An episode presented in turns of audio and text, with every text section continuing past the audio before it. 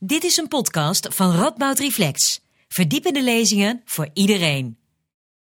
Goedenavond allemaal en welkom bij dit programma van Radboud Reflex over ritme in tijden van corona. Mijn naam is Wouter Veldman en vanavond ga ik in gesprek met Marley Huijer over de impact van de coronapandemie op onze alledaagse ritmes. Marley Huijer studeerde geneeskunde, werd opgeleid tot huisarts en hielp uh, met het opzetten van een postdoctorale opleiding in de epidemiologie. Ze kreeg zelfs een promotieplek aangeboden in de epidemiologie, maar koos gelukkig voor ons voor de filosofie. Als filosoof publiceerde ze verschillende boeken voor een breed publiek, was en is ze werkzaam als hoogleraar filosofie aan de Erasmus Universiteit in Rotterdam. En van 2015 tot 2017 was ze Denker des Vaderlands. En ruim tien jaar geleden publiceerde ze dit boek, Ritme op zoek naar een terugkerende tijd. Maar net als met goede flessen wijn geldt ook voor goede filosofieboeken dat ze vaak beter worden door de jaren heen. Zo ook met dit boek. De coronapandemie heeft des te meer laten zien hoe belangrijk ritmes zijn in ons uh, dagelijks leven en vooral voor het goede leven. Waarom dat is, hoe corona onze ritmes heeft veranderd en aangetast en naar welke ritmes we zouden moeten zoeken voor een tijdperk na corona, zijn de vragen waar we het vanavond over zullen hebben. Na een lezing door Marley Huijer ga ik met haar in gesprek op zoek naar het goede ritme. Uh, na afloop is natuurlijk ook ruimte voor u, het publiek thuis, om vragen te stellen.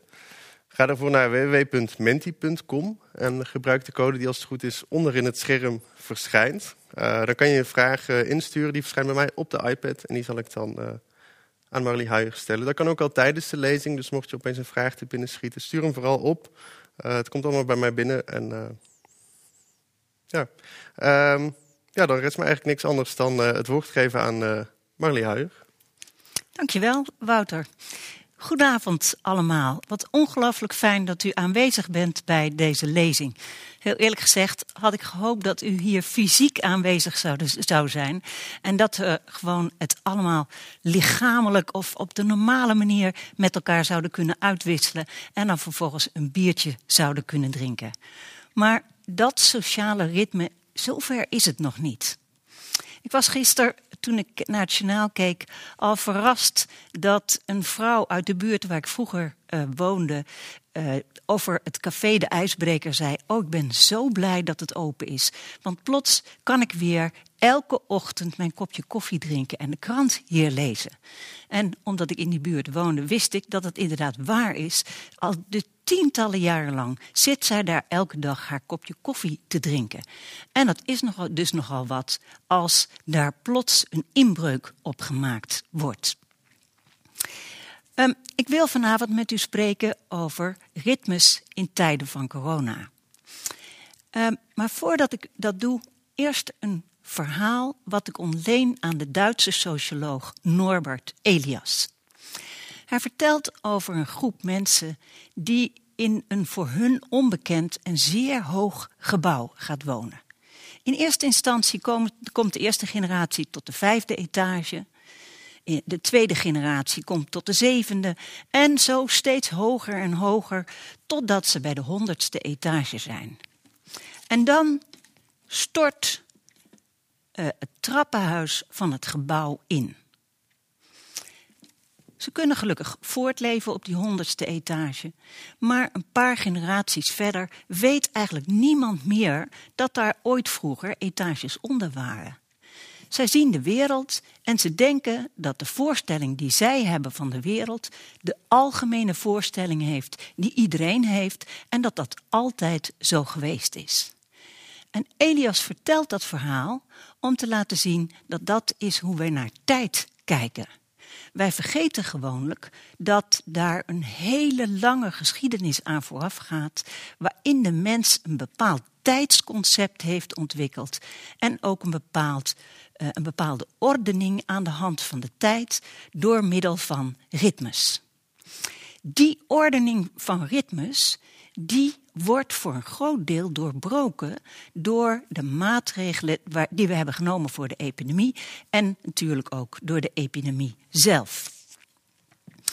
Um, wat ik vanavond zal bespreken, een hele simpele driedeling. Uh, eerst wil ik met u praten over wat nou eigenlijk die tijdsordeningen zijn die in die lange geschiedenis zijn ontstaan. Um, in welke zin corona die tijdsordeningen heeft opgeheven en hoe dat verder zal gaan als de epidemie voorbij is.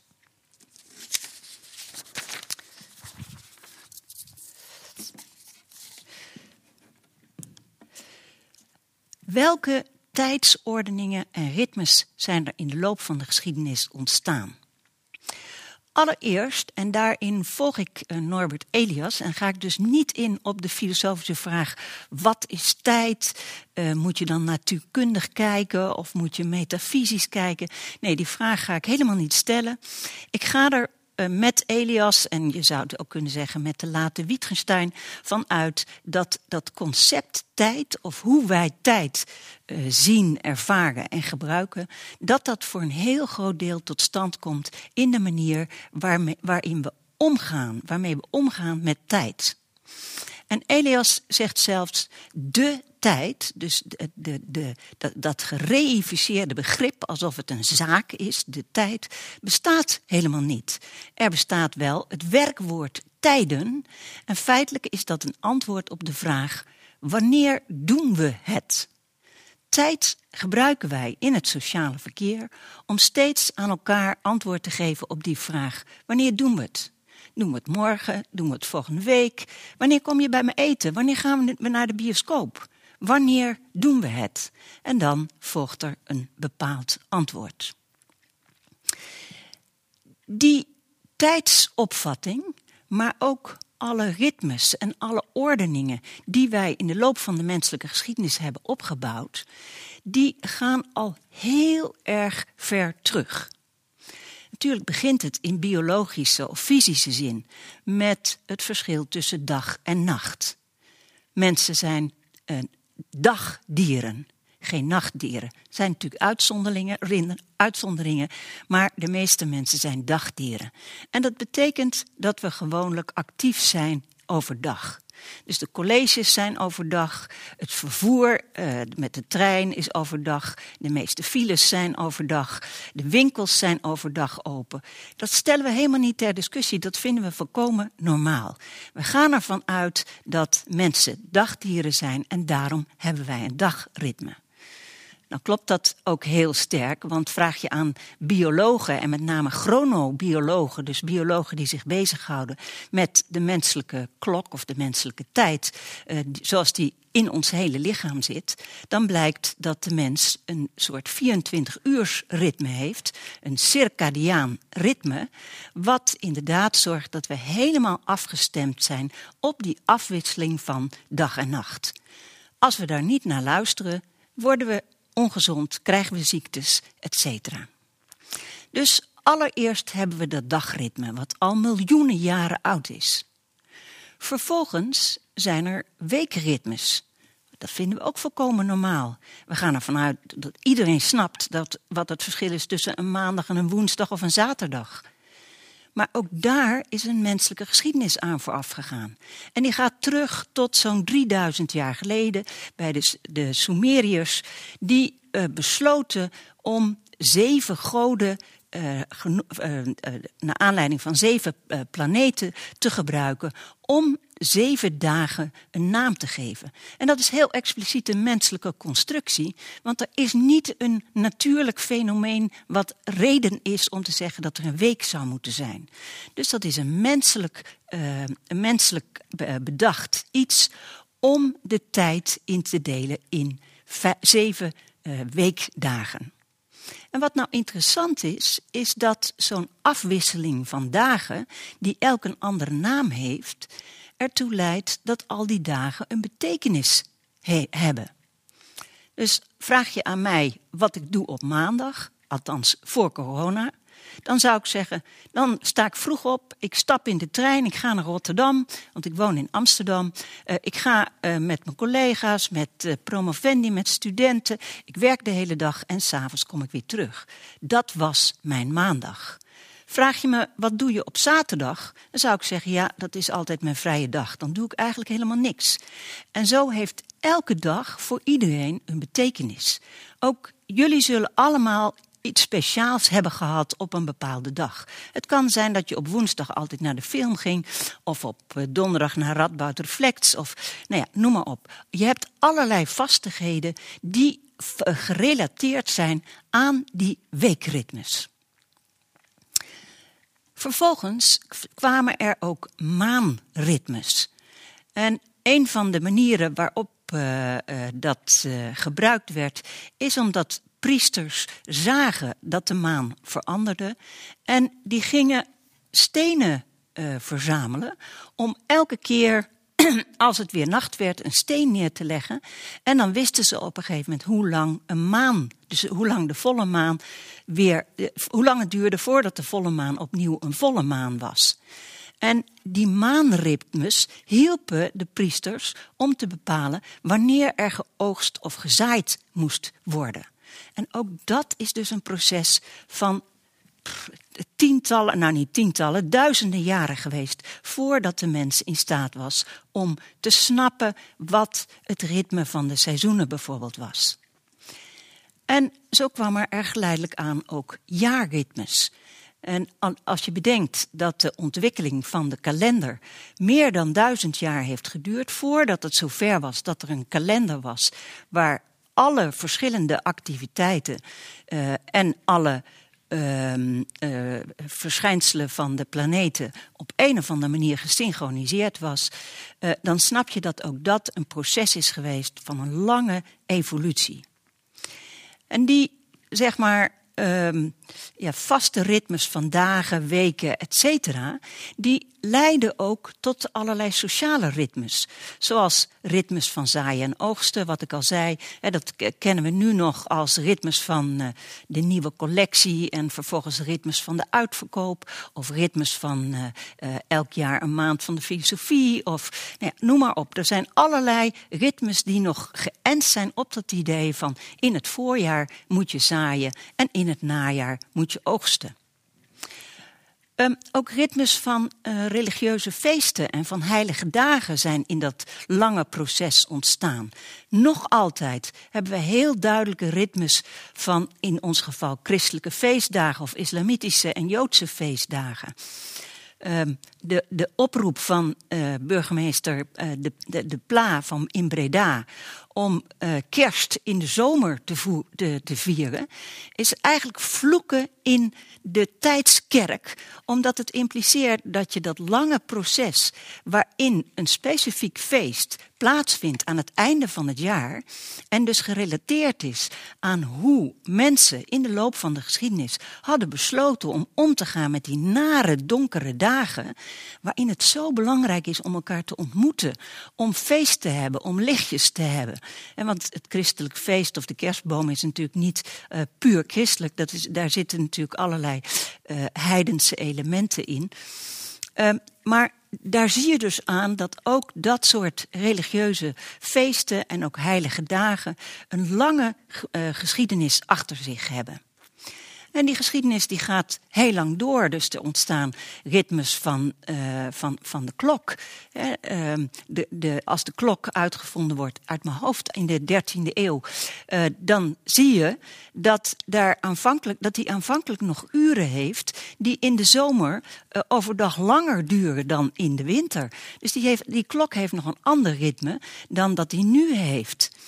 Ehm, ook het kapitalisme heeft specifieke ritmes. Eh, het ritme eh, van bijvoorbeeld acht uur werken, acht uur uitrusten en uh, acht uur slapen. Om te zorgen dat je zo efficiënt mogelijk kunt werken. Uh, je hebt vervolgens in ons leven heb je ritmes van scholen, ritmes van het werk, ritmes van vervoer, ritmes van vrije tijd. Kortom, als je zou kijken naar hoe ons leven in elkaar zit, dan zie je één grote complexe hoeveelheid van ritmes die op een of andere manier met elkaar gesynchroniseerd zijn.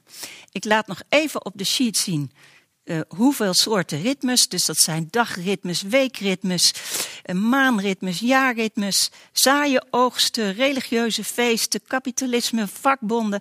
Nou ja, noem maar op. Het is één grote constellatie van ritmes waaruit ons dagelijks leven bestaat.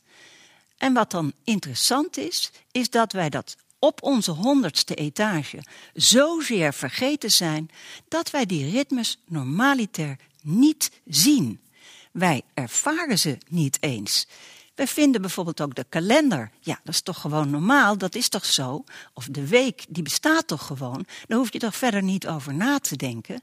Die ritmes zijn er en die zijn in de loop van de tijd zo ongelooflijk goed op elkaar afgestemd dat het lijkt, bijna lijkt, alsof ze er van nature zijn. Alsof het natuurlijk is dat het stoplicht van rood op oranje op groen springt en vervolgens alle verkeersstromen in de stad bijna als vanzelf goed verlopen.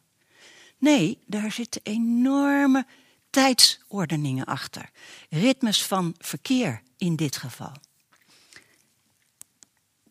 Zou je dat uh, vergelijken met muziek, dan is onze samenleving met al zijn tijdsordeningen en met al zijn ritmes vergelijken met een ingewikkelde compositie. Ik heb hier een pianoconcert van Rachmaninov uh, genomen.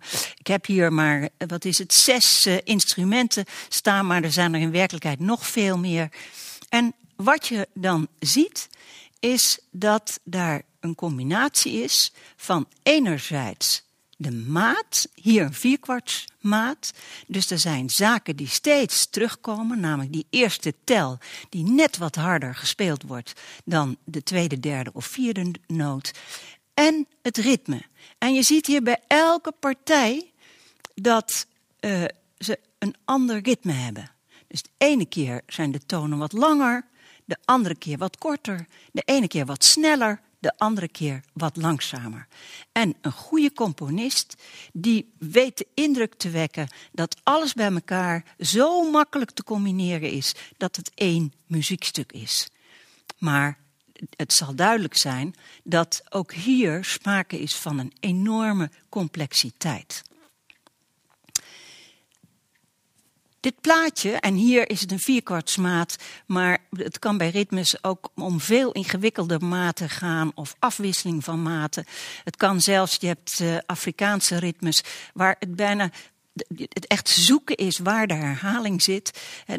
Daar zit dan zo weinig vaste maat in dat, het, dat, je, dat je echt moet gaan zoeken van waar zit die.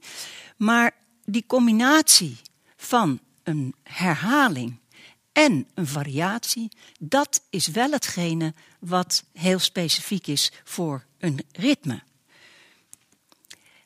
En dat brengt mij op het begrip ritme. Want wat houdt dat begrip nou eigenlijk in? Ik zei u al, enerzijds is het een uh, herhaling, dus je zou dat bij wijze van spreken de slag kunnen noemen. Hè? Dus die de hele tijd opnieuw de beat uh, slaat. Uh, en anderzijds is het een variatie, een vernieuwing. Die herhaling die zou oersaai zijn als de herhaling werkelijk precies hetzelfde zou zijn als je een muziekstuk steeds opnieuw uh, uh, speelt en er zit geen variatie in, ja, dan wordt het saai. Of nog veel erger, je zit in de trein naast iemand en die heeft een koptelefoon op waar je alleen maar de beat hoort. Daar word je geërgerd van, omdat je namelijk de variatie niet hoort. Of een tikkende kraan, nog ergerniswekkender. Ook daar zit geen variatie in. Maar bij een ritme heb je altijd een combinatie van herhaling en variatie.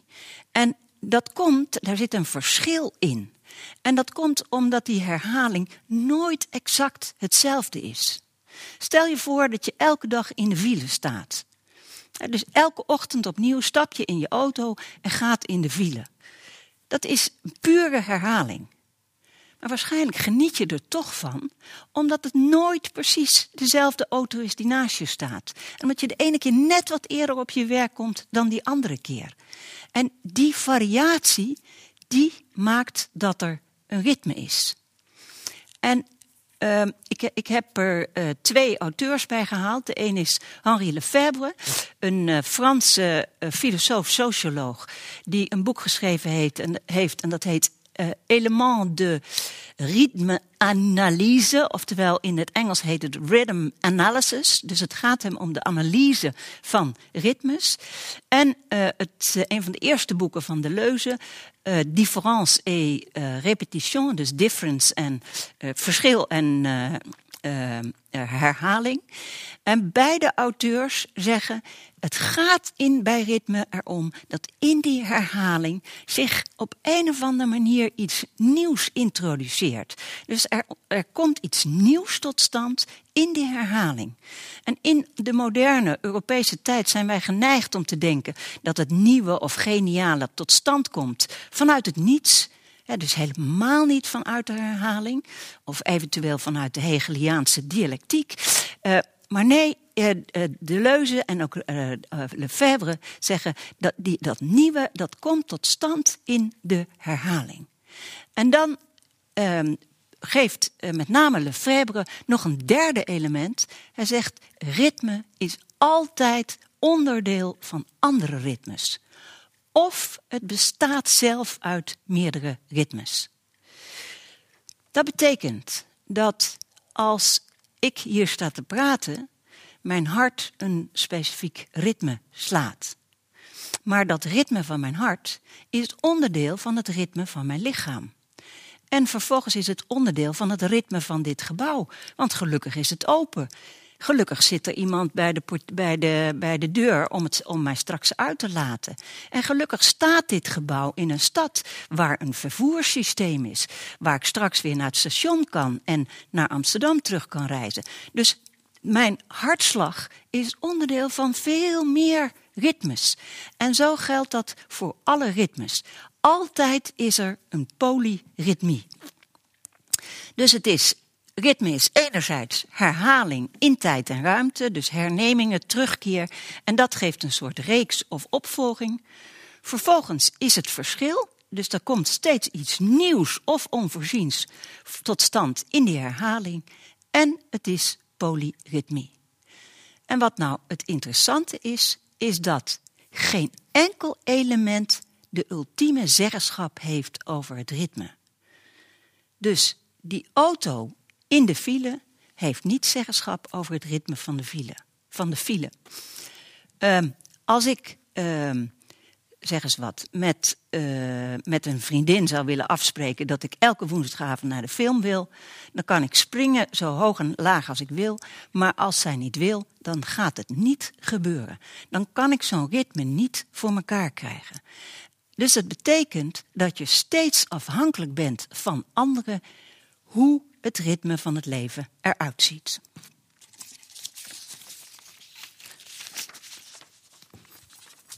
Nou, voor ik naar uh, de, het effect van de lockdowns ga, nog één ding over die ritmes. Want wat is nou eigenlijk het belang of de functie van die ritmes? Uh, waarom hebben onze voorouders zo'n complexe ordening tot stand gebracht?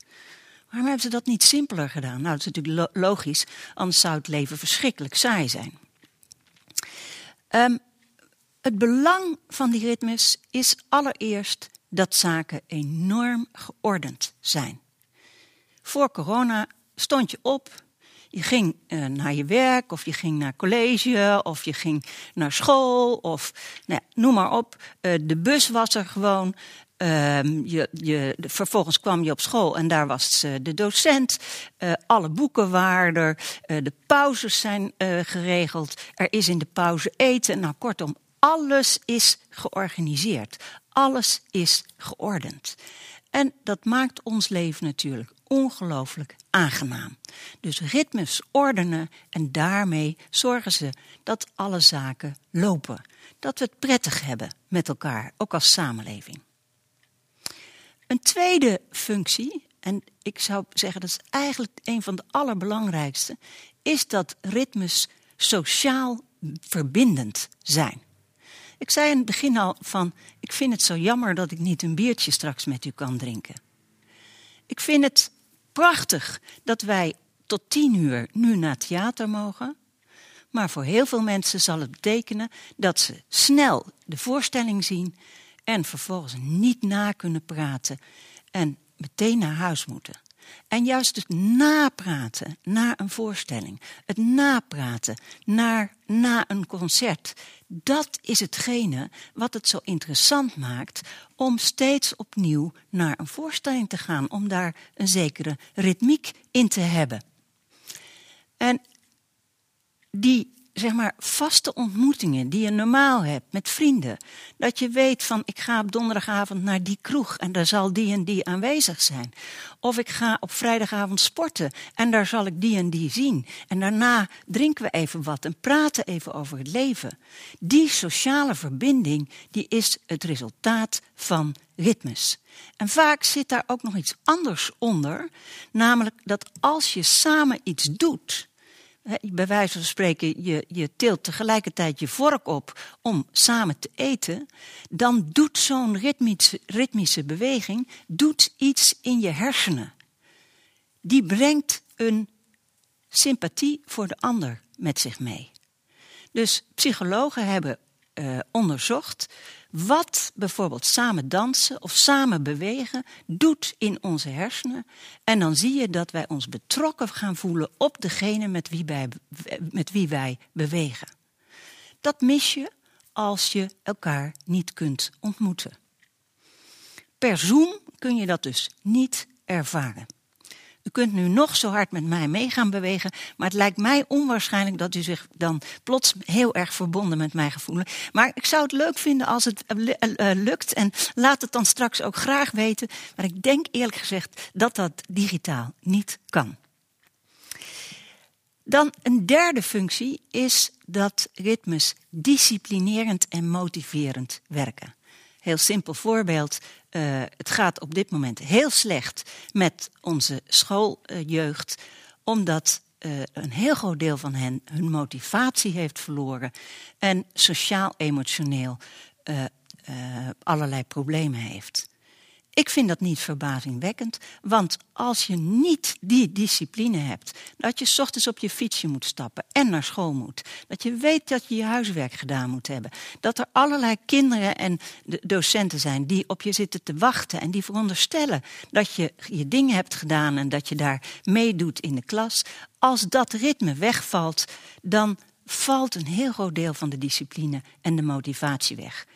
Maar sterker ook voor mijzelf geldt dat op het moment dat uh, ik geen afspraken met andere mensen maak, bijvoorbeeld om elke week te sporten.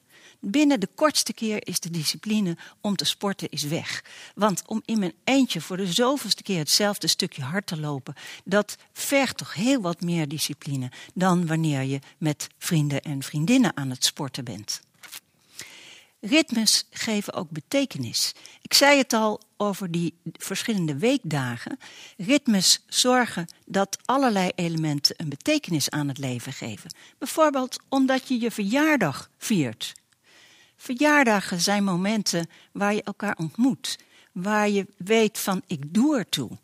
Ik, ben, ik sta even in het middelpunt van de belang, belangstelling. Mijn vrienden komen langs. Maar misschien houdt u toevallig helemaal niet van verjaardagen. Dan geldt dat niet. Maar dan zijn er vast andere momenten waar u met plezier op terugkijkt. Omdat het van die markeringspunten zijn die steeds weer terugkomen.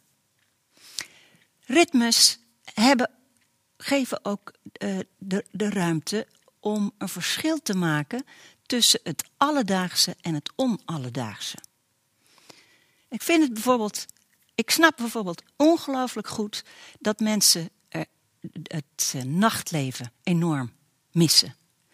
Het nachtleven, kijk, ik ben nu in de zestig en dan is het toch wat moeilijker om nog naar een dancing te gaan. Niet omdat ik niet welkom zou zijn, maar ik, ik heb gewoon niet meer de fysieke conditie dat ik, die ik tot mijn veertigste of vijftigste had.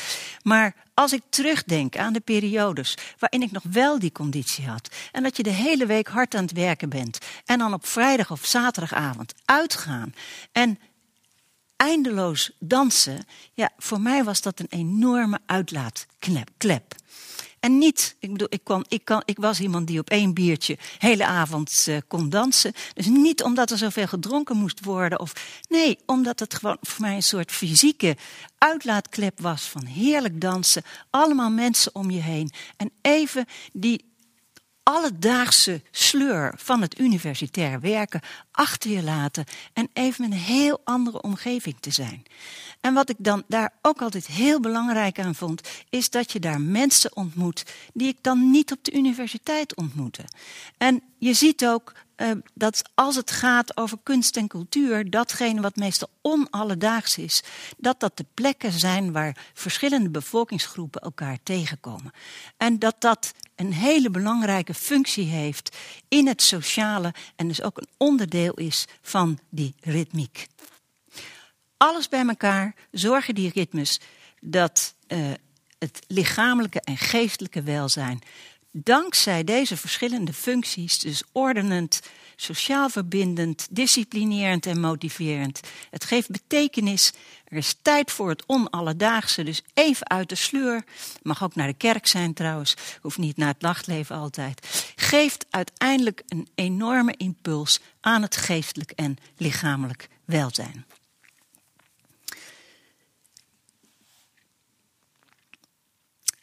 En toen kwam de epidemie. En daarmee de lockdowns, het thuiswerken, weinig bezoek, afstand houden.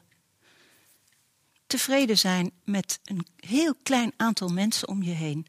En eigenlijk het wegvallen van de hele sociale en publieke structuur die er normaal is. En daarmee vielen tegelijkertijd heel veel ritmes weg. De dagelijkse ritmes van naar school gaan, naar je werk gaan. De dagelijkse ritmes van woon-werkverkeer. Tot mijn verbazing, ik dacht altijd, ik, ik beweeg toch niet veel als ik even met de fiets naar het station ga, dan de trein neem, vervolgens de metro en dan even een stukje loop. Dat is toch niet veel beweging. Maar tel je al die bewegingen bij elkaar op, die je, op, die je als je naar je werk gaat uh, doet, dan blijkt toch dat je een enorme hoeveelheid stappen zet. Veel meer dan wanneer ik opsta en meteen achter mijn computer ga en dan colleges of gesprekken uh, voor studenten ga, met studenten ga hebben. De hoeveelheid beweging is meteen een stuk minder. Maar ook de ritmiek. Want uh, waar ik het geen enkel probleem vind als ik naar mijn werk ga om, om, om half negen de deur uit te gaan, denk ik nu toch wel van, ja, hallo, ik kan die afspraken natuurlijk ook één of twee uur later doen. En dan, ach, dan eet ik wel weer wat later. Maar ja, dan, heb je, dan zegt je partner natuurlijk van ja, maar ik heb geen zin om zo laat te eten. Oké, nou dan, dan, eet, dan zorg ik wel dat de dag wat korter wordt of ik ga s'avonds werken. Kortom, binnen de kortste keren komt er een soort chaos in die voorheen zo enorm gestructureerde uh, uh, ritmes. En dat geldt niet alleen voor de dagritmes, maar ook voor de weekritmes. Soms, ik weet niet hoe het met jullie was hoor, maar ik heb soms, dacht ik echt, welke dag is het? Het lijkt wel alsof alle dagen hetzelfde zijn. Ik zie gewoon niet meer goed wat het verschil is tussen een maandag, een woensdag, een vrijdag. En ik merkte ook dat dingen die ik normaal heel erg strikt scheiden, omdat ik dacht, nee, maar dat is echt een dag waar ik alleen maar schrijf of die waar ik me alleen maar, alleen maar vrij neem daar ging ik mee sjoemelen, omdat ik dacht, ja, wat maakt het eigenlijk uit wanneer ik het doe? Dus ook de weekritmes veranderden. En een heel groot deel van de sociale ritmes viel in één keer weg. Je kunt mensen niet meer ontmoeten in een, om, om even koffie, een kopje koffie te drinken. Je kunt niet meer uit eten als er lockdowns zijn. Je kunt niet uh, je kunt geen verjaardagen vieren. Een tijd lang kon je zelfs geen begrafenissen vieren. Een heel groot deel van de ritmes uh, die, die de vrije tijd vulden, zijn verloren gegaan. Het is de ritmes van de sport, uh, de ritmes van de cultuur. en juist ook dat onderscheid tussen alledaags en onalledaags is weggevallen.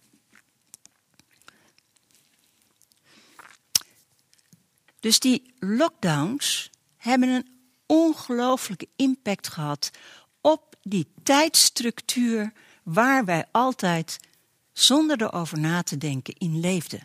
Die hele complexiteit aan tijdsordeningen, aan ritmes, stond van het ene op het andere moment ter, ja niet eens ter discussie, die viel gewoon weg. En dan ben je overgeleverd aan je eigen inventiviteit. Dan moet je bijvoorbeeld als ouders zelf de discipline hebben om op tijd te zorgen dat je kinderen uh, aan het schoolwerk beginnen. Dat ze op tijd naar bed gaan. De, de hele ordening valt in één keer weg.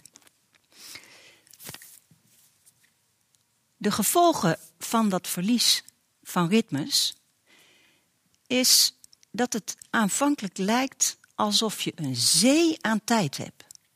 Heel veel mensen waren in het begin ook, uh, ook enthousiast daarover. He, he, even niet al die verplichtingen. Even niet al die dwingende ritmes van naar school moeten en dan weer dit en dan weer dat. Rust. Rust in, rust, rust in ons gezin. Rust in de relatie. Maar die rust was zeer tijdelijk. Want zoals wij ook moeite hebben met de flexibilisering van tijd, zodanig dat die eigenlijk in Nederland nauwelijks invloed heeft gehad op hoe wij ons leven ritmisch indelen. Nog altijd gaan we om 11 uur naar bed en staan we zeven uur half acht op. Nog altijd eet de gemiddelde Nederlander om een uur of zes, zeven. Zeg maar dat vasthouden aan die ritmes, dat is natuurlijk eigenlijk wat we ook hier zouden willen. En het idee van dat je een zee aan tijd hebt.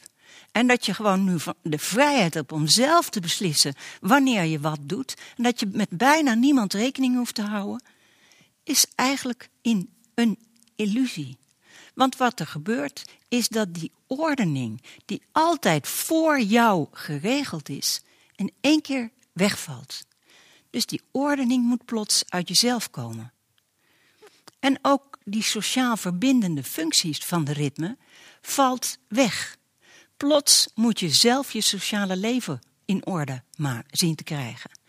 En dat betekent, ik heb afgelopen jaar heel wat keren twee aan twee met mensen gegeten, omdat je dan maar vier mensen in huis mocht. En dat betekent dat je steeds dat sociale leven moet organiseren. En dat er heel weinig spontane ontmoetingen in zitten. En dat die, die, die vanzelfsprekendheid om mensen te ontmoeten die je niet kent, ook voor een heel groot deel wegvalt. De discipline en motivatie die de ritmes geven, dalen. Ik zei het al over de kinderen. Ook de betekenis die het leven heeft, valt in zekere zin weg. Ik vond het afgelopen twee jaar behoorlijk lastig om voor mezelf te bedenken: wat, wat, wat, betekent, wat, wat betekenen de dingen nou die ik doe? En ik merkte bij studenten en promovendi dat zij met hetzelfde worstelden. Waarom schrijf ik eigenlijk nog een proefschrift? Wat betekent dat? En die vragen die er voorheen helemaal niet waren, omdat je gewoon iedereen deed het en je deed het met elkaar en er zaten heel veel gezellige elementen aan, die, dat valt in één keer weg en de motivatie moet volledig uit jezelf komen. En dus ook die betekenisgeving. En ook die tijd voor het onalledaagse. Dus dat kerstfeest. Ik, ik, weet niet precies hoe u afgelopen kerst heeft gevierd. Maar heel eerlijk gezegd vond ik het toch maar een mager uh, feest zoals het eruit zag. Ook uh, het oude jaar zonder vuurwerk. En dat vuurwerk is, ik, ik bedoel, je kunt, je kunt het puur vanuit het milieu zien. Maar kijk je vanuit de tijdsordening, dan zie je dat het idee dat je aan het einde van het jaar de geesten weg probeert te krijgen met vuur en licht, is zo'n oud ritueel dat uh, ik kan me voorstellen dat je zegt van wij moeten dat op een andere manier vormgeven, misschien minder vervuilend. Maar het idee dat je het, de, de, de, het, het kwaad van het afgelopen jaar probeert weg te krijgen, dat je je angsten probeert te overwinnen door middel van vuur en dus een nieuw begin, daar, zit een he, daar zitten hele oude rites en patronen in. Dat verdwijnen van het uh, onalledaagse betekent bijvoorbeeld ook dat het vrij lastig was om vakantie, om op vakantie te gaan. Wat ook vaak een moment is waar je even het alledaagse onderbreekt door iets onalledaags. En overal zie je natuurlijk met name bij jongeren dat het lichamelijke en geestelijke welzijn behoorlijk is gedaald.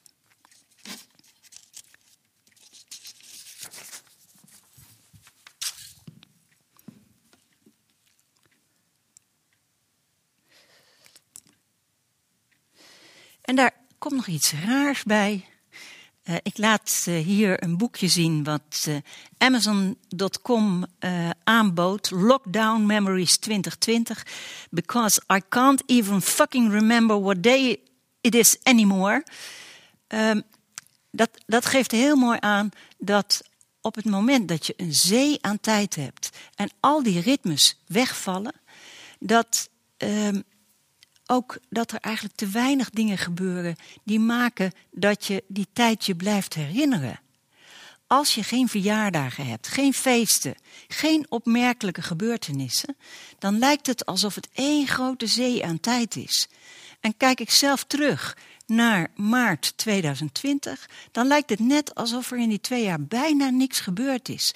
Alsof die duur geen twee jaar is, maar hooguit enkele maanden elke keer in ons leven dat er fasen zijn waarin heel veel hetzelfde is, zie je dat gebeuren. Dan, dan krimpt als het ware de tijd. Hoe zal dat alles zijn na corona? Um, allereerst, ik denk dat heel veel zaken um, niet meer teruggedraaid zullen worden. Dus online bijeenkomsten zullen blijven bestaan. En het zou me niet verbazen als de universiteit al heel snel zegt: laten we die hoorcolleges toch alsjeblieft allemaal online doen. En dan doen we daarnaast wel werkgroepen. Um, ook um, afspraken met artsen zullen voor een deel dat is nu al zo, uh, uh, online blijven. Internationale vergaderingen tussen wetenschappers, maar ook sowieso vergaderingen waar meerdere mensen uit het land bij elkaar komen, zullen steeds vaker per Zoom, uh, of zullen per Zoom, deels per Zoom plaats blijven vinden. Dat zal, vermoed ik, niet veranderen. En dat betekent dat dat, dat levensechte contact, wat toch vaak nodig is om geïnspireerd te raken om dingen te doen, bij een groot aantal activiteiten zal wegvallen. Ik heb zelf bijvoorbeeld uh, bij uh, uh, de, de filosofengroep in Vlaanderen, waar ik af en toe naar Antwerpen ging, dat is allemaal, die vergaderingen zijn nu allemaal online. En dan zeg maar het idee dat je even een dagje naar Antwerpen gaat, daar allemaal mensen spreekt en vervolgens weer teruggaat, dat maakt nu plaats voor op een zaterdagmiddag met elkaar vergaderen. Daar, dat, daar zit zo'n verschil in inspiratie, in filosofische gesprekken, dat ik het op, bij, op heel veel momenten echt jammer vind dat uh, die online bijeenkomsten zullen, grotendeels zullen blijven doorgaan. We zullen ook meer blijven thuiswerken dan voor 2020. We zullen blijven zitten met grote leerachterstanden. De sociale ongelijkheid zal groter zijn dan voorheen. De kaalslag in de cultuur- en evenementensector zal eh, niet snel voorbij zijn. En we zien ook dat het vertrouwen in de overheid laag is. En ik denk heel eerlijk gezegd dat de sociale cohesie ook niet snel herstelt. Het zijn even heel veel woorden op de sheet, maar ik zie dat ik een beetje op moet schieten. Ik heb nog drie minuten, geloof ik. Um, wat is nodig? Um, het lijkt mij belangrijk om te investeren in het herstel van sociale ritmes. En dat betekent dus investeer heel expliciet in de ritmes van sport. Zorg dat die sport met name voor jongeren gewoon dat die ritmes weer hersteld worden, dat ze snel weer met elkaar kunnen ontmoeten. Herstel ook die cultuursector. Juist omdat daar het steeds weer opnieuw naar voorstellingen kunnen gaan, naar de film kunnen gaan. Zo ongelooflijk belangrijk is voor de sociale cohesie in de samenleving. Herstel ook de mogelijkheden om elkaar geregeld te zien in de horeca. Uh, herstel die evenementen branche en ook de debatcentra. Zorg dat zodra het ook maar kan voor de epidemie, dat daar extra in geïnvesteerd, geïnvesteerd wordt. Zodat die sociale structuren die het gevolg zijn van die sociale ritmes weer zich kunnen herstellen. Investeer ook in het herstel van alles wat met school, bibliotheken, uh, muziek, sociale contacten voor kinderen te maken heeft. En hetzelfde voor studenten. Zorg dat ze minimaal twee fysieke momenten per week aanwezig zijn op de campus en elkaar kunnen ontmoeten. Zorg dat die campus weer een ontmoetingsplaats is, waar je als vanzelfsprekend weet, als ik hier op maandag heen ga, dan kom ik gewoon mensen tegen. Daar hoef ik niet over te twijfelen. Um, en hetzelfde voor werknemers. Ga er niet zomaar van uit dat het goed is als mensen veel thuiswerken. Elke klus heeft een fysiek minimum nodig. Dat betekent dat je voor elke klus weet, mensen moeten elkaar minstens, bij wijze van spreken, één keer per week zien. Wil een klus uh, goed uitgevoerd kunnen worden. En dat is eigenlijk een oude wijsheid. Die, die heb ik toen ik samenwerkte uh, rondom ritmes in de, met de ICT-sector, heb ik die al uh, eh, van hun aangereikt gekregen, omdat zij met het nieuwe werken, waar werknemers zelf mochten beslissen wanneer ze werkten, merkten dat als je niet vooraf vaststelt hoe belangrijk het is om elkaar een aantal keer fysiek uh, te ontmoeten, dat die ritmiek verdwijnt en een project niet goed wordt afgerond. Tot slot, wat kun je nou als persoon of als collectief doen nou, dit ga ik even. Uh, zie je leven als een compositie. En dat betekent dat je moet bedenken wat waardevol, betekenisvol of belangrijk voor, voor jou of voor jullie is. Als je dat bepaald hebt, stel bijvoorbeeld dat je denkt: ik vind het heel belangrijk om één keer in de week naar de film te gaan met mijn geliefde of met um, die vriend of vriendin. Um, dan wordt dat een van de markeringen in de compositie. Dus dat wordt een maatlijn. Elke woensdagavond zit ik in de film. En dat is heel prettig, want dan kan ik vanaf uh, donderdag kan ik daar weer naar vooruitkijken. En ik kan ook terugkijken naar die leuke film die ik heb gezien. Of dit leuke gesprek dat ik na afloop heb gehad. Dus zorg dat je de dingen die je belangrijk vindt, als markeringen in je compositie zet. Als je dat hebt doorgenomen, en het kan zijn dat je, dat je meerdere belangrijke dingen hebt, en je hebt die als de maat genomen die steeds weer terug moet komen, ook omdat je weet dat daar variatie in zit, dan ga je je andere activiteiten daaromheen draperen. En het grote voordeel daarvan is dat je zeker weet dat de dingen die je werkelijk belangrijk vindt in je leven, dat, dat je daar ook toe komt. Dus als jij eigenlijk elke week een boek moet lezen, zet dat dan als eerste in je compositie. Dat is wat ik wil. Ik wil de tijd hebben om rustig een boek te lezen. Dat plan je dan als een terugkerend ritme in je compositie. En op die manier organiseer je natuurlijk in samenspraak met anderen. Want je kunt wel eh, denken, ik ga s'avonds om zeven uur dit of dat doen. Maar als je eigenlijk een kind naar een sportschool moet brengen, dan gaat dat helemaal niet. Dus in je compositie moet je ook rekening houden met uh, met wat anderen willen. Maar uiteindelijk gaat het erom dat je met elkaar een compositie maakt die het leven betekenisvol en waardevol maken. Dank jullie wel. Ja, even bedankt. Ja. We hebben niet veel mensen in de zaal, maar... Ja, bedankt voor de, voor de mooie lezing. Kom, erbij. Een mooie boodschap ook. Het, eh, het leven als een uh, compositie. Uh, die we toch ook wel een klein beetje op elkaar moeten afstemmen. Um, ik wil eigenlijk beginnen met de, met de definitie die je, die je geeft van, van ritme. En ook een een paar keer heb herhaald. Uh, namelijk, ritme is, is zowel herhaling, maar ook de variatie. Um, maar als ik dan mijn eigen leven als een compositie ga inrichten, dan moet daar dus ook die herhaling en die variatie goed in aanwezig zijn. dan vraag ik me af, wanneer houdt dat ritme dan op met een ritme zijn of een, een goed ritme zijn? Wanneer wordt de herhaling te veel en wanneer is er te veel variatie? Dus misschien op vrijdag een keertje uitgaan om de, de ritmiek van de week te doorbreken. Maar waar ligt de grens? Hoe weet je dat? Ja, het grappige is dat uh, Henri Lefebvre, die uh, zegt dat het luisteren naar ritmes, uh, bij wijze van spreken het luisteren naar een ritme van de stad, dat lukt het beste als je je lichaam als metronoom neemt.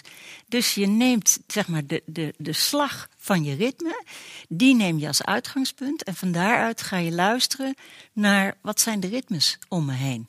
En als je dat een klein beetje anders zegt, dan zou je kunnen zeggen van ja, zodra ik weerstand in mijn, ritme, lichaam voel uh, vanwege de tijdsordening, dan is het tijd om even naar mijn compositie te kijken. Waar, waar loopt het niet lekker?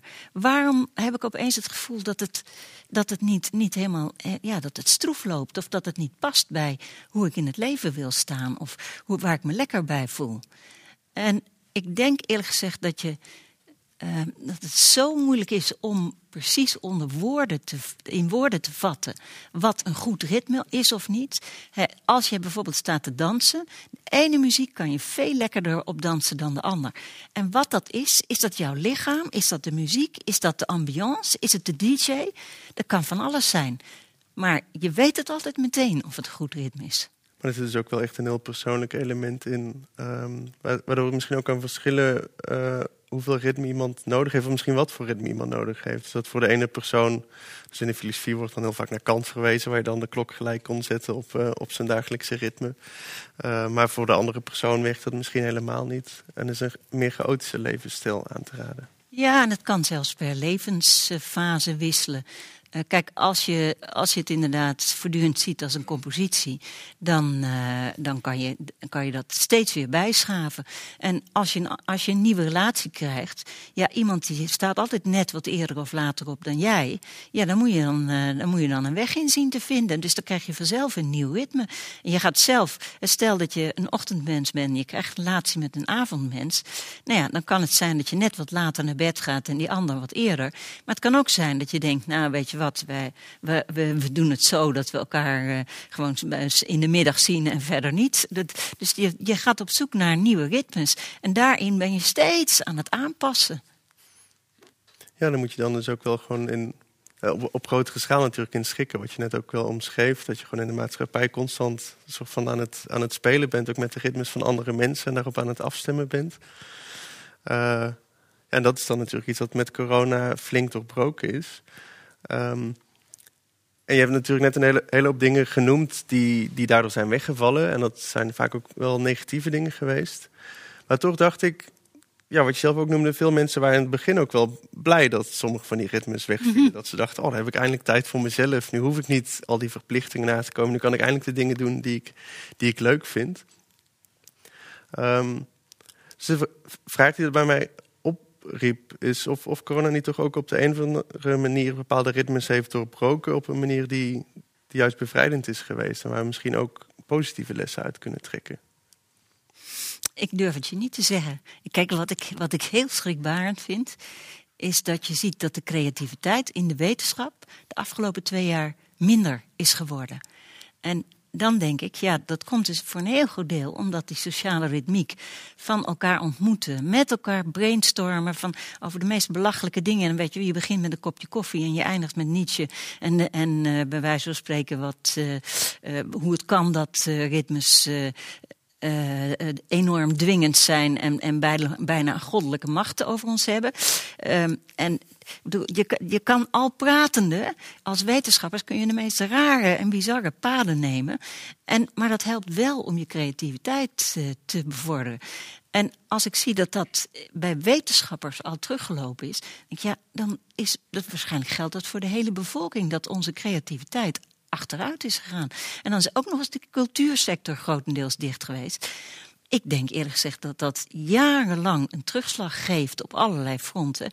En wat er het positieve aan is, ik weet het niet. Sommige, ik kan me voorstellen dat sommige relaties zich geïntensiveerd hebben. Eerlijk gezegd, om me heen heb ik eerder het gevoel omgekeerde. Dat heel veel relaties uit elkaar spatten omdat mensen zo op elkaars lip zitten. Terwijl ze Weet je, als je een normale relatie hebt, heb je natuurlijk eigenlijk altijd een latrelatie. Want je bent een groot deel van de dag ben je weg. En dan s'avonds zie je elkaar even. Ja, ja. En plots eh, ben je een dag- en nachtrelatie. Ja, dat is zo'n verschil met wat mensen normaal hebben. Dat ik, ja, ik, ik, ik weet eerlijk gezegd niet of, wat daar de positieve effecten zullen zijn. Dus je zou dus eigenlijk wel zeggen dat, dat ja, niet een soort van romantisch beeld van eh, ja, ik wil gewoon mijn eigen leven bepalen. Ik ga wel in een hutje in het bos wonen. Dan heb ik volledige controle over hoe ik zelf mijn leven inricht. Daarvan zou jij zeggen, nou dat, dat zie ik eigenlijk niet zitten dat dat uiteindelijk iets positiefs oplevert. Je hebt toch wel echt die ritmes van andere mensen nodig waar je mee geconfronteerd wordt en waar je op moet aanpassen en waar, waar je mee moet spelen. Ja, zelfs eh, de grote Henri Thoreau, weet je wel, die dan bij een meer bij Boston eh, twee jaar in een hutje ging zitten. Nou, ik ben wel eens bij dat hutje geweest. Dat is vlak bij de stad. En hij ging voortdurend ging die op bezoek bij zijn vrienden en even een pintje halen. En, eh, dat ideaal van dat je je dan terugtrekt en helemaal op je eentje. En dat er dan een soort wonderlijke, fantastische gedachte. Zelfs Heidegger in zijn hut. Daaromheen woonden allemaal eh, eh, boeren. En, en zijn, zijn vrouw was er altijd. En, ik bedoel, het was één grote gezellige bedoeling. Dus ja, ja. Ik denk dat je dat. dat een beetje een ideaalbeeld dan. eh. ja, ja. Ja. Ja, misschien toch om, om nog even door te zoeken toch op, op wat positieve dingen. We zullen straks ook wel nog verder ingaan op de, op de negatieve consequenties. Ehm, we hadden het ook wel over hoe, hoe ehm, corona ons eigenlijk terugwerpt op onszelf. Ehm, ja, je, je komt een beetje met jezelf, zit jij misschien met een partner of zo, maar heel veel sociale ritmes vallen weg. En dan moet je het opeens allemaal zelf doen. Dan moet je zelf eh, ja, die structuur en die betekenis gaan zoeken. Uh, en je had het over promovendi die dan opeens zegt... Van, ja, maar waar ben ik nou eigenlijk mee bezig? Waarom, waarom zou ik dit nog doen? Het is een soort van existentiële crisis. Ja, dat is natuurlijk heel, heel erg uh, en vervelend psychologisch. Maar kan het niet ook zijn dat, dat ritmes ook afleidend kunnen zijn? Dat we misschien in de dagelijkse sleur van de ritmes... ons lekker laten afleiden en niet, niet genoeg bezig zijn met onszelf... En dat als corona ons dan terugwerpt op onszelf, al die ritmes vallen weg, dat we opeens onze problemen onder ogen moeten. Nou, kijk, sorry. ik heb sinds ik geboosterd ben een rare prikkelhoest. Um, dat zal voor sommige mensen gelden. Um, het onderzoek naar man-vrouw patronen en corona laat zien dat zodra mannen en vrouwen allebei thuis zitten, dat vrouwen terugvallen in traditionele rollen. Dus meer in het huishouden gaan doen, terwijl mannen thuis zijn notabene. Uh, en ook meer voor de kinderen zorgen. En dat vertaalt zich in dat vrouwen minder publiceren en minder onderzoeksaanvragen doen. Uh, sommige, voor sommige mannen zie je het omgekeerde. Die zijn thuis en die sluiten zich af van de wereld. En die komen inderdaad dan uh, tot allerlei prestaties. Dus uh, een, een, enkeling heeft er inderdaad baat bij. Ja, want je bent even helemaal los van alle verplichtingen. Kun je daar ook van losmaken. En dan met name die mensen, en ik hoor daar natuurlijk zelf ook bij, die getraind zijn om, om lang achter elkaar te schrijven en zich te isoleren, mm -hmm. die zullen daar voordeel bij hebben. Maar dat zijn toch zeker niet de beginnende uh, studenten en, en promovendi. En uh, ik, ik vind het ook wel verbazingwekkend dat het toch vooral erg veel mannen zijn die veel boeken hebben geschreven uh, en ook veel wetenschappelijke publicaties. En, en Hoe komt dat, denk je? Is dat, is dat vooral een, een, een, een machtsvraagstuk of, of zouden daar ook nog andere uh, culturele of, of sociale dingen een rol kunnen spelen, dat daar zo'n verschil in is? Ja, kijk, Nederland loopt, bungelt natuurlijk in alle lijstjes onderaan qua uh, hoeveel vrouwen werken en hoeveel zorg ze op zich nemen. En hoe weinig mannen dat dan doen. En ja, wat, wat er gebeurt als ze allebei thuis zitten, waarom vrouwen dan nog meer? Ik, ik, ik weet het eigenlijk niet. De, misschien omdat ze af, niet afwezig zijn. En eh, normaal gaan ze natuurlijk de deur uit en zien ze niet of het huis vies is of wat dan ook. En nu zijn ze de hele dag thuis. Dus daar zal het iets mee te maken hebben. Maar zou je toch verwachten dat dat ook voor mannen geldt, dat ze dan extra zien uh, hoe, hoe vies het is. Maar misschien dat dat dan als ik dat dan zo mag zeggen. Ik ben heel, niet helemaal een specialist op dit gebied. Nee, natuurlijk niet. Maar om het even dan terug te brengen naar, naar de ritmes. Dat zoiets als bijvoorbeeld uh, bepaalde man-vrouw verhoudingen ook maatschappelijke ritmes zijn. Ja. Maar dan, als ik het goed begrijp, dat die juist tijdens corona juist sterker zijn geworden. In plaats van minder zijn geworden. Maar dan om nog een laatste positieve poging te doen. Zijn er dan niet ook maatschappelijke ritmes? Ik denk bijvoorbeeld aan de ritmes van de vliegtuigen die eindeloos heen en weer bewegen die dan door corona toch doorbroken zijn. Of waar we opeens bewust werden. Ik weet nog dat er dan van die plaatjes en filmpjes voorbij kwamen van helemaal lege straten. En volgens mij was er een nepnieuwsbericht dat er dolfijnen in Venetië waren en zo. Mm. Doordat de ritmiek van het verkeer was doorbroken. Zijn dat dan geen positieve um, manieren waarop ritmes zijn doorbroken en die we misschien ook wel mee kunnen nemen na corona? Ik, ik zou willen dat het zo was. Maar als ik zie van hoe snel uh, eh, de vliegtuigen weer het uh, luchtruim in mogen. Hoe snel mensen, mensen weten nu hoe snel ze weer met vliegtuig op vakantie kunnen. Dat je, dat je nog makkelijker met het vliegtuig naar Madrid kan dan dat je hier naar een museum kan. Dan ben ik daar, uh, ben ik daar eerlijk gezegd nu niet zo van overtuigd dat dat een, een blijvend effect zal hebben. Zijn het toch wel echt zo van vastgeroeste ritmes misschien? Nou ja, daar zit, daar, sorry, maar er zitten natuurlijk zulke enorm economische belangen uh, achter Schiphol. Dat, uh, dat heeft meer met, uh, met lobbymacht te maken dan met ritmes. Dat,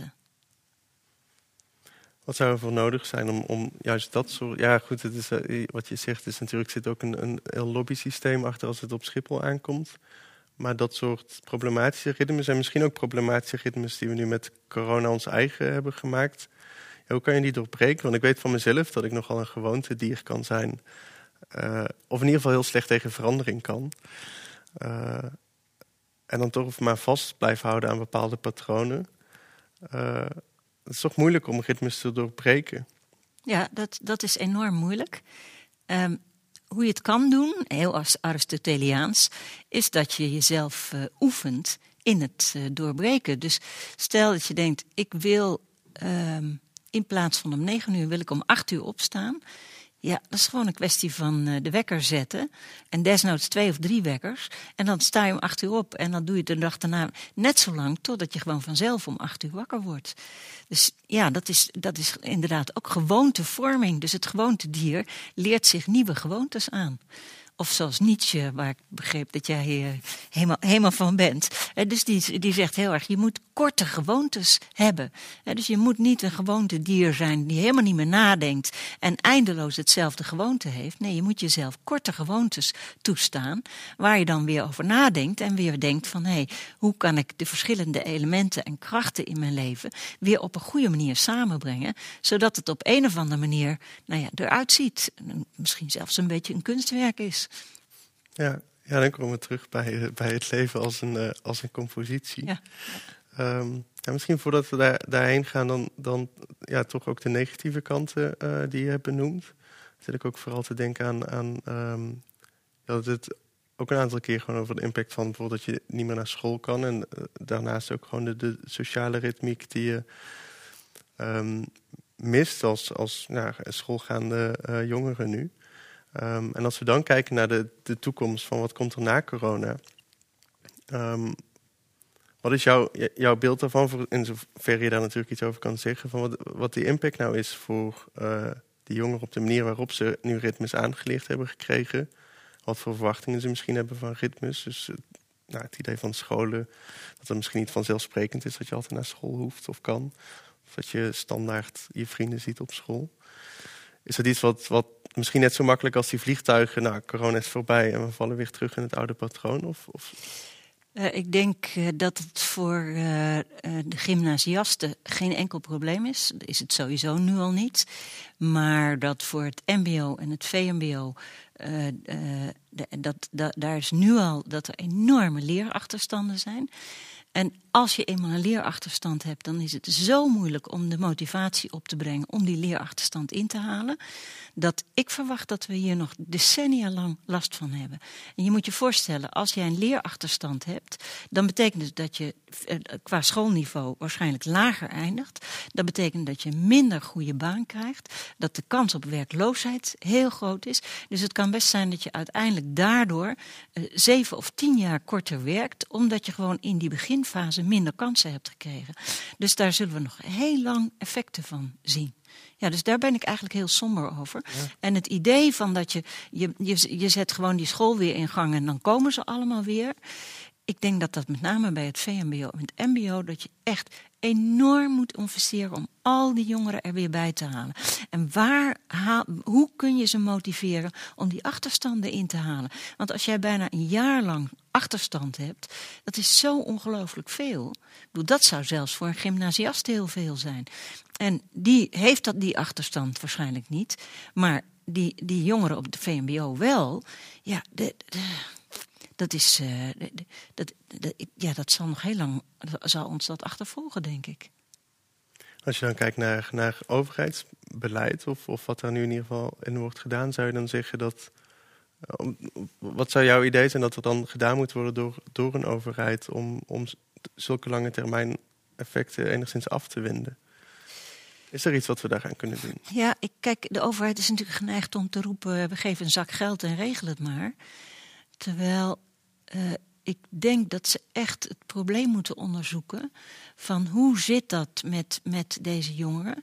Um, hoe kunnen we zorgen dat ze weer gemotiveerd worden, dat ze weer meegaan in die sociale ritmiek? Wat moeten we daar voor programma's voor opzetten? Dus dat zal een combinatie zijn van onderwijskundigen die, die daar advies op kunnen geven, om dat vervolgens op de verschillende scholen uit te zetten. En het kan best zijn dat het een combinatie zal moeten zijn van uh, sociaal werkers die de buurten ingaan en uh, het onderwijssysteem. Omdat dus, dus de, de uitval zal behoorlijk groot zijn. Ja. Ja, en ik vermoed dan ook dat, dat nou, je noemde net al dat dingen zoals het hybride werken, maar ook het hybride onderwijs. Dus dat je een, een hoogcollege gewoon online volgt.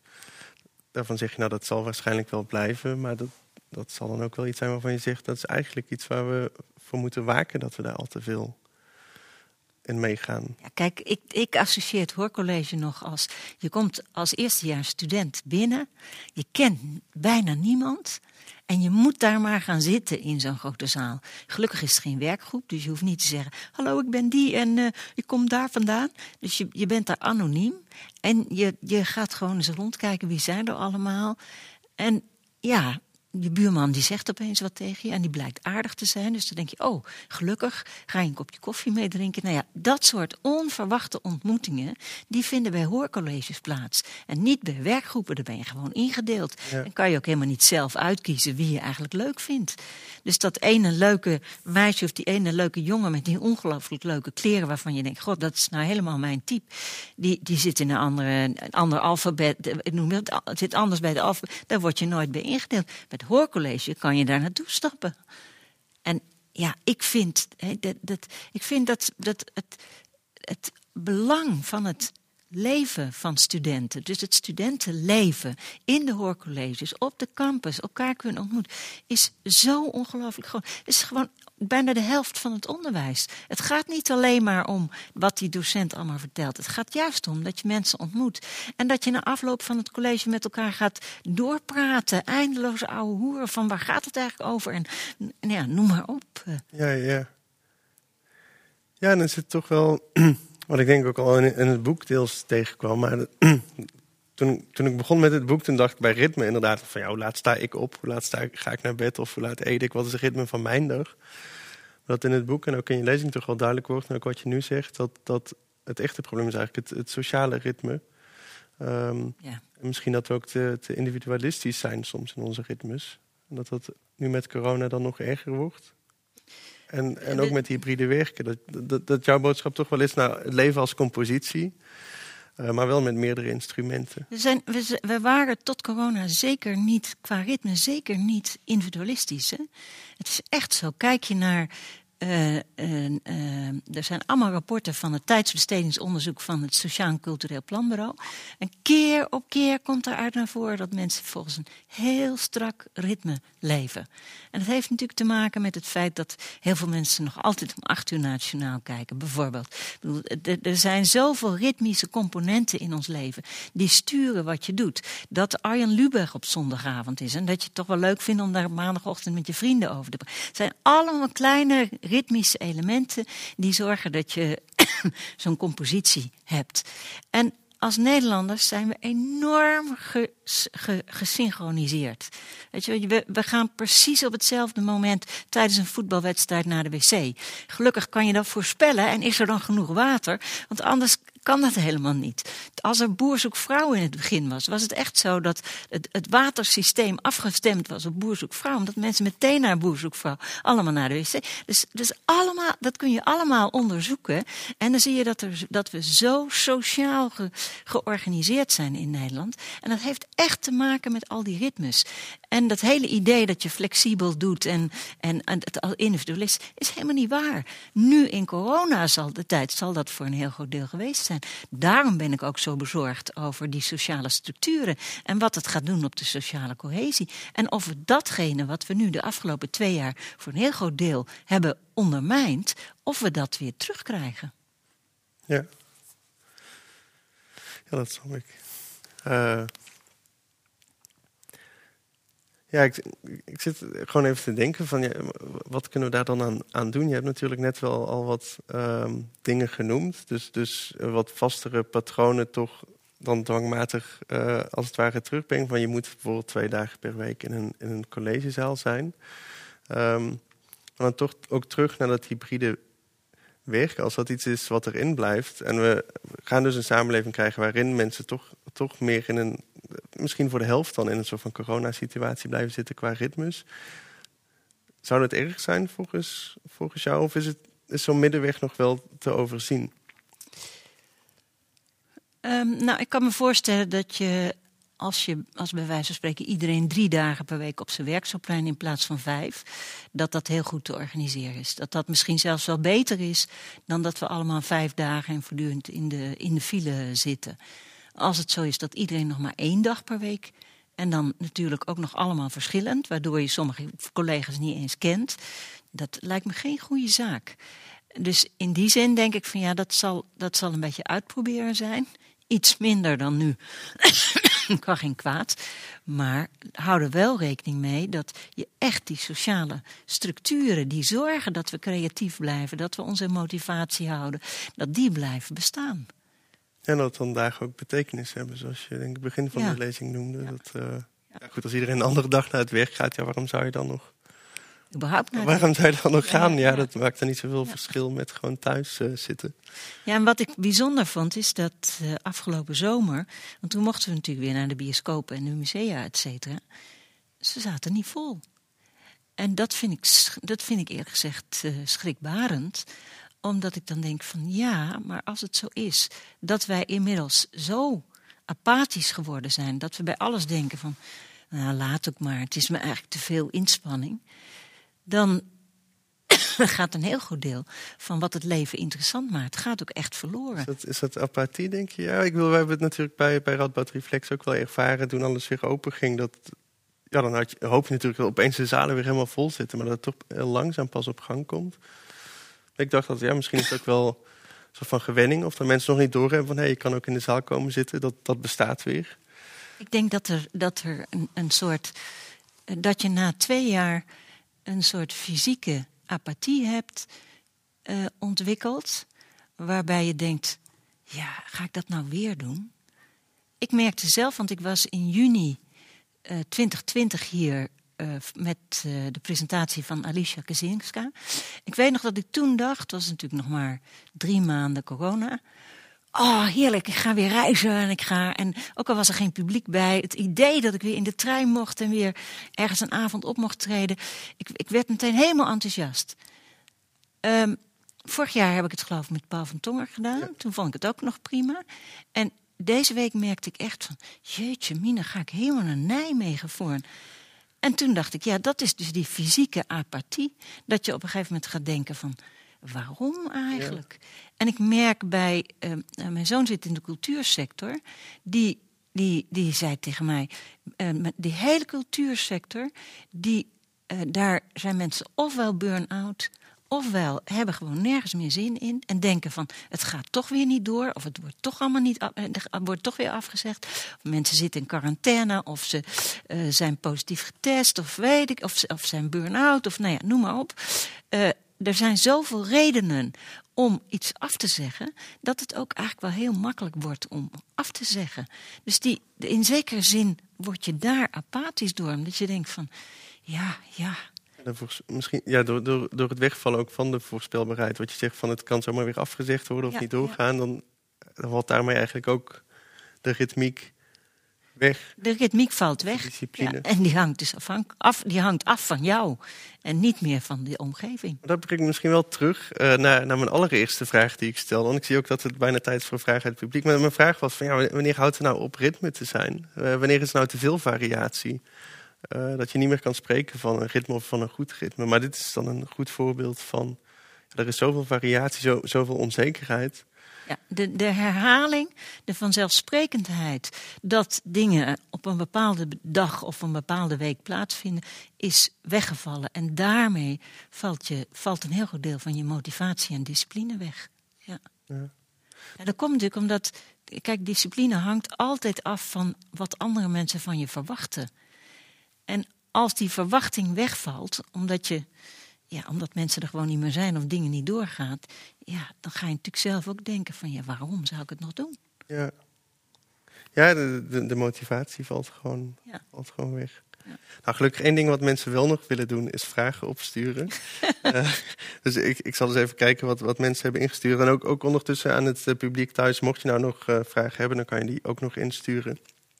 Ehm een momentje hoor, even lezen wat er hier allemaal staat. even een tellertje. Ja, dit is wel een interessante vraag. Ja, dan kan die weer uit. Eh, hier, hier zegt iemand: Ik heb het idee dat mensen sinds corona meer met zingeving bezig zijn. Heeft dat te maken met het gebrek aan ritme of ook met andere dingen waar we met corona tegenaan lopen? Ehm, ik denk dat. ehm, kijk, het bezig zijn met zingeving heeft te maken met dat die zingeving er plots niet meer vanzelf is. Dat heel veel betekenissen wegvallen. En heel veel betekenissen hebben te maken met het sociale leven, met dingen die je met elkaar doet, eh, vanzelfsprekendheden. Op het moment dat dat wegvalt, ja, dan kom je, jij noemde het een existentiële crisis, maar dan word je natuurlijk op jezelf teruggeworpen en ga je afvragen wat is de zin van dingen. En dan ga je op zoek naar wat zou het bestaan zin kunnen geven. En dan daarbovenop komt dan ook nog uh, iets waar we helemaal niet meer aan gewend zijn, namelijk dat veel mensen doodgaan. Uh, en dus plots worden we met een virus uh, uh, geconfronteerd, wat, ja, wat, wat een enorme ramp voor ons is. En ja, dat geeft natuurlijk. dat wekt natuurlijk ook de vraag op van ja, wat is hier de betekenis van? van waarom komt dit virus en waarom is dit zo bedreigend voor ons? En wat, wat vind ik daarvan? En ja, kijk, de dood is natuurlijk altijd, de eindigheid van de mens roept natuurlijk altijd al enorme zingevingsvragen op. Dus dat, ja, dat, ik, ik vind het niet zo raar.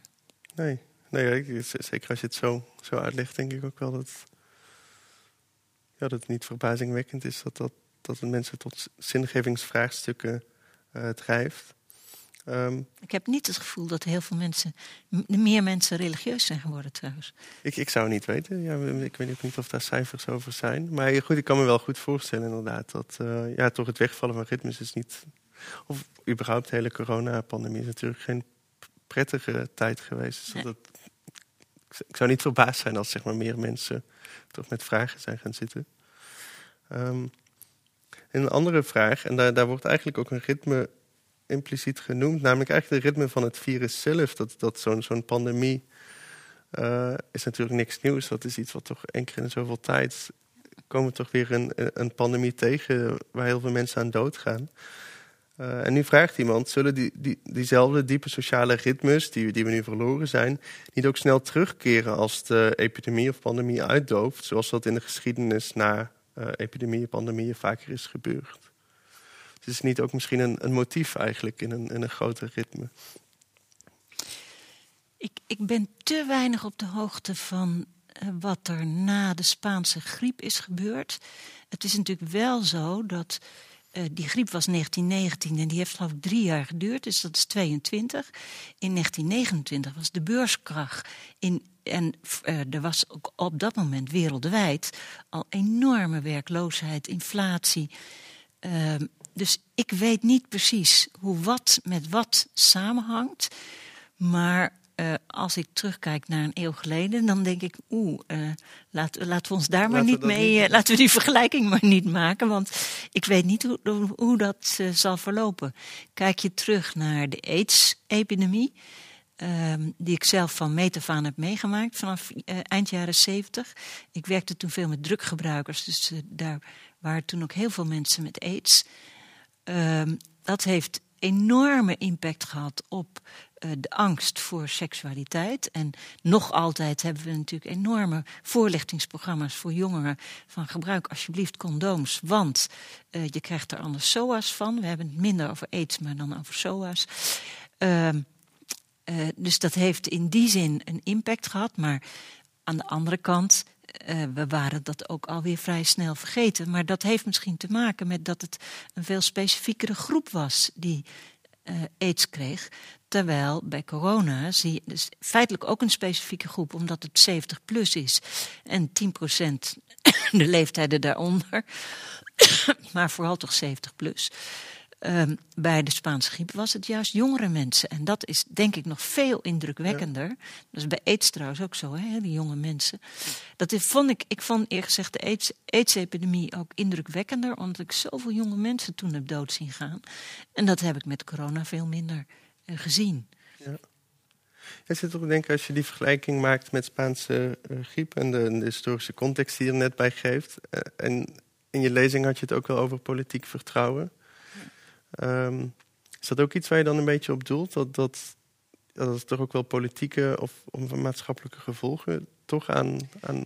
Ik denk dat we echt werkelijk geen idee hebben wat ons te wachten staat. Het, ik vind het zorgwekkend dat het politieke vertrouwen op dit moment zo laag is. Uh, uh, ik, ik, denk dat er alles aan gedaan moet worden om te kijken of je dat kan herstellen. Maar de basis daarvan lijkt mij ook opnieuw uh, dat er enorm geïnvesteerd moet worden in de sociale structuren van de samenleving. Dat mensen het gevoel hebben dat ze ertoe doen. Dat, ze, uh, dat het belangrijk is dat ze bij wijze van spreken hun school afmaken. Dat het belangrijk is dat ze, mee, dat ze werk hebben en uh, ja, dat ze er echt toe doen. En op het moment dat, je, dat mensen het gevoel hebben dat politici hen eigenlijk niet zien staan, ja, dan daalt het wantrouwen natuurlijk, een, of dan daalt het vertrouwen enorm snel. Ja. ja ik kijk ondertussen nog even verder naar een, uh, naar een volgende vraag. um, hier heeft iemand in twee delen zelfs.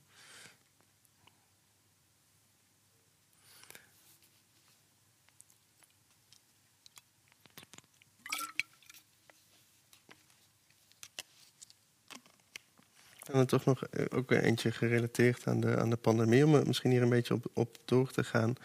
Um, verwacht u dat we na de pandemie even plotseling en abrupt onze ritmes kunnen oppakken? Of zullen we hier weer langzaam aan moeten wennen? Het lijkt een beetje natuurlijk op de vorige vraag. Uh, persoon voegt ook nog aan toe, het lijkt nu soms zo moeilijk voor te stellen. Um, maar hoe makkelijk gaan we onze ritmes weer oppakken? We hebben het natuurlijk ook wel over die apathie gehad, die daarbij misschien in de, in de weg Kijk, het, het, zou kunnen, het zou kunnen dat als het nachtleven weer open gaat, dat jongeren binnen de kortste keren weer een ritme te pakken hebben. Um, veel, veel mensen denken dat, en, de, en het, het, kabinet voorop, hè, dit is het eerste wat dicht gaat, het eerste wat, eerste wat, uh, het eerste wat dicht gaat, eerste, het laatste wat weer open gaat. Um, ik denk dat dat moment van dat je uit je dak kan, kan gaan, dat dat voor veel jonge mensen zo ongelooflijk belangrijk is.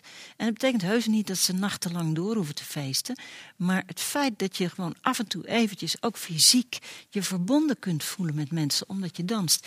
Ik denk dat dat zo ongelooflijk belangrijk is dat een overheid niet in de gaten heeft van hoe belangrijk dat soort ritmische afwisselingen, maar ook ritmische bewegingen zijn en hoe sociaal verbindend. En die sociale verbinding zal er eerst moeten zijn voordat je weer gemotiveerd bent om in een werkritme, een schoolritme, een universiteitsritme te zitten. Dus ik denk dat het sterk afhangt van het, openen, het weer opengaan van de evenementen en de cultuursector. dat dat een belangrijke rol speelt in hoe makkelijk we ook weer terug kunnen uh, vallen in, in sociale ritmes. Ja, ik denk dat je de, de leuke dingen weer met elkaar moet kunnen doen. Om vervolgens weer in, ook in die alledaagse sleur van werken, studeren, et cetera, te komen. Ja. En dan zijn natuurlijk ja, de, versoepelingen die we nu hebben gehad, zijn dan in die zin al een, een soort van eerste stap in, in die richting. Je kan weer op het terras gaan, of ja, het terras is een beetje koud. Maar je, je kan weer in het café gaan zitten, je kan misschien weer naar het theater. En binnenkort ook weer bij ons op bezoek. Um, maar uiteindelijk is toch ook dat nachtleven. Ik vind, ik vind het wel fascinerend. Dat heeft we nu al vaak, vaker gezegd. En toch ook dat nachtleven. Um, toch ook belangrijk. Ik, ik, vind het fascinerend, omdat voor mijn gevoel is het juist, zeg maar, je hebt gewoon de, de normale werkende mens heeft gewoon een goed ritme. En dan heb je de jongeren en de studenten die eigenlijk helemaal geen ritme hebben. Die gaan een keertje tot vijf uur s'nachts door. Een hele ritme overhoop. Uh, maar toch, toch leg je daar wel vaker de nadruk op. Ah, maar luister, als, als, als jongere is je biologisch ritme nog zo flexibel. Je kan rustig uh, een, een, keer om uh, drie, vijf, zeven uur s ochtends uh, naar bed gaan. En dan, dan vervolgens weer flink slapen. En dan kan je, kan je biologische ritme op die leeftijd. Als ik dat doe, ja, dan is dat klokje hierboven gewoon een hele week van slag. Maar als je jong bent, kun je dat zo makkelijk weer, weer bijbenen. En dat is echt geen enkel probleem. Dus daar zou ik mij in biologische zin geen enkele zorgen over maken. En ook qua studeren. Als jij op vrijdag of zaterdagavond flink uitgaat en je zit op maandagochtend keurig op tijd op je college, dan kan je, dan kan je makkelijk aan. Dat is echt geen enkel punt. En sterker nog, het kan zijn dat de ontmoetingen die je in het weekend hebt. Ja, kijk, als je er heel veel drank bij gaat gebruiken, is het misschien wel een andere, andere kwestie. Maar ja, ik denk dat de ontmoetingen die je hebt, dat die je zoveel energie geven, dat je makkelijk ook die andere dingen daarnaast kunt doen. Ja. En kijk, voor de een is dat het nachtleven, maar de ander zal diep religieus zijn en juist op zondag heel graag uh, het, het onalledaagse in de kerk zoeken. Dat kan ook. Maar het gaat wel om die ontmoetingen die je kunt hebben. En of dat nou de kerk is, of het concertgebouw, of een, een, een, een, popconcert of een, of een evenement, kan allemaal. Maar het gaat om die ontmoeting die je hebt. En met name ook die ontmoeting met mensen die je niet kent. Ja. En dat hebben we natuurlijk enorm gemist uh, ja, de afgelopen jaren. Ja. Hoop dat dat weer terugkomt. Um, ik zit even te kijken, misschien nog ruimte voor één laatste vraag. Um, kijk, wat, ja, hier staat erbij dat meer een, een, een, een opmerking is, maar ik vind het toch wel interessant. Iemand merkt op, uh, als je niet meer werkzaam bent, vallen veel opgelegde ritmes weg. En als 65-plusser vond ik het fijn om nieuwe uitdagingen en ritmes uh, te ontdekken om mijn leven betekenisvol te maken. Dus dat bevestigt natuurlijk wel voor een deel ook, ook wat je hebt verteld. Um, maar ik vind het wel interessant omdat het dit gesprek wat breder trekt dan de coronapandemie. Zeg maar, tijdens corona vallen ritmes weg, maar misschien is ook als je dus met pensioen gaat, vallen ritmes weg. Um, ik heb bij het voorgesprek al genoemd, ik, ik had tot voor kort een baan met een heel uh, redelijk vast ritme. En nu heb ik een baan waar ik gewoon totaal zelf kan bepalen wanneer ik wat doe. En uh, dat, dat is moeilijk. En dan merk ik ook van, ik heb, ik heb ritme nodig. Um, dus misschien om het breder te trekken dan alleen de pandemie. Van wat kan je nou doen als je in een situatie komt, zoals corona, maar ook andere situaties waarin je denkt, ja, ik, ik heb geen structuur meer, ik heb geen ritme meer. Wat zijn dan praktische tips om toch leven als compositie, om die compositie weer een beetje op gang te krijgen? Nou ja, deze mevrouw of meneer die zegt het natuurlijk feitelijk al van op het moment dat je met pensioen gaat, ga je nadenken van welke dingen wil ik doen. En ja, daar ga je dan toch proberen om een ritme in te krijgen. Dus het kan zijn dat je uh, met, met, met een uh, groep gaat roeien elke week. Of je gaat elke week wandelen. Of je gaat een, een cursus uh, bij de HOVO. Of weet ik veel. Maar als je niet iets doet wat, wat terugkeert ja, dan, uh, dan, dan zit je inderdaad, je wordt wakker s ochtends en je denkt, ja, wat zal ik eens gaan zijn doen? we weer, ja. Zijn we weer, ja. Dus je, je moet jezelf toch weer dwingen tot zo'n compositie. En dan inderdaad eerst die markeringspunten. Wat wil ik dat wekelijks terugkomt? En wat geeft dus kwaliteit aan mijn leven? Aan dit volledig nieuwe leven? En ja, hoe minder je vanuit de verplichtingen denkt. Want jij, jij denkt natuurlijk, wanneer moet ik mijn werk voor elkaar krijgen? Ja, dan kun je heel ritmisch, of heel erg in de herhaling organiseren. Maar het kan bijvoorbeeld zijn dat je, dat je denkt, nou weet je, ik wil eigenlijk de dinsdag altijd vrij hebben om, wijze van spreken, de hele dag in de bioscoop te zitten. Dat, dat kun je ook doen. Hè? En dan kan je zeggen van, ja, maar dan moet ik wel daar tegenover op maandag, woensdag, donderdag en vrijdag om negen uur achter mijn laptop zitten. En daar moet ook een eindtijd aan zitten. Want dat is namelijk het voordeel van, van ritmes. Dat het niet alleen zegt wanneer je moet beginnen, maar ook wanneer je eindigt. En hedendaagse hardwerkende werknemers en studenten hebben eigenlijk meer discipline nodig om op tijd te stoppen dan op tijd te beginnen. Dus als je dat werk dan inplant, zorg dat je dan vooral ook kijkt Wanneer ga ik ophouden? En als je niet kunt ophouden, zorg dan dat je met iemand afspreekt. Zodat je zeker weet dat je op tijd nu ophoudt. moet ik echt stoppen en nu moet ik gaan ontspannen. Ja, ja. Uh, en dat kan ook voor de gepensioneerden, hè, die dan misschien toch nog denkt van ja, maar ik wil nog, weet ik veel wat, stukken schrijven of toch nog een, uh, bij een of ander bestuur. En uh, zorg dat je ook die tijd, dat je gewoon voor jezelf bedenkt van hoeveel tijd wil ik er eigenlijk aan besteden. Want stel dat je, dat je in een of andere kunstsubsidie uh, groep gaat zitten, dan kun je daar, je kunt opeens voor, met zo'n subsidies kun je de hele week bezig zijn. Nee, ook dan moet je bedenken van, nou, die vergadering komt er dan aan, zoveel dagen wil ik eraan besteden en ook niet meer. En dus daar, ook daar kun je ritmes inbouwen om te zorgen dat je, ja, dat je toch echt plezier in je leven houdt. Ja. Ja, misschien dan nog één laatste vraag van mezelf. En dan zitten we ook wel over de tijd heen. Om het toch terug te brengen nog een keer naar het leven als compositie. Uh, ritme is toch natuurlijk een heel muzikaal iets. En je had al de derde van Rachmaninoff. Wat ja, wel een van mijn favoriete stukken muziek is. Maar als, je nou naar je eigen leven kijkt en je eigen ritme. En dat aan de muziek koppelt, leven als compositie. Wat is dan je favoriete uh, genre of, of uh, muziekstuk? Is, is jouw leven jazzmuziek of ben je toch meer... Ja, ik hou heel, heel erg van uh, enorme afwisseling. Uh, ik was in de jaren tachtig helemaal van de punk. Dus je kon mij echt pogoend uh, door, door zaaltje. En dat vond ik helemaal geweldig. Uh, ik ben nu meer van uh, de, de, de Rachmaninoff of de, Nou nee, ik hou nog altijd... Heel eerlijk gezegd, ik, luister af en toe nog, steeds naar de Ramones of de Clobbers Claws of weet ik veel wat. Vind ik nog steeds allemaal mooie muziek. Maar ik, mijn, mijn muzieksmaak is wel veel breder geworden. En dat geldt eigenlijk ook voor mijn leven. Van de ene keer ben ik heel hard aan het rennen. En dan doe ik het weer heel erg rustig aan. Dus daar zit ook zeg maar een wat een, een wat groter ritme in, waarin ik die verschillende stijlen naast elkaar zet. Oh, het klinkt toch wel alsof dat ook goed past bij het stuk van Rachmaninoff. Uh... Zeker. ik wil je graag heel erg bedanken voor je mooie lezing en het fijne gesprek. Uh, heel bedankt. En ook aan de mensen thuis heel fijn dat jullie hebben meegekeken. Ook bedankt voor al jullie vragen. Natuurlijk jammer dat we jullie niet in het echt hebben kunnen zien, maar dat kan snel weer. Volgende week hebben we een lezing over populisme en christendom. Die is nog volledig online, maar wel heel interessant om bij te wonen. En de week daarna is er een lezing en gesprek over Star Trek en de politiek van Star Trek. En dat is het eerste programma waarbij we jullie ook weer in de zaal mogen verwelkomen. Dus uh, graag tot dan. Heel erg bedankt dat jullie hebben gekeken en hou vooral onze agenda in de gaten voor allerlei leuke lezingen die eraan komen. Fijne avond.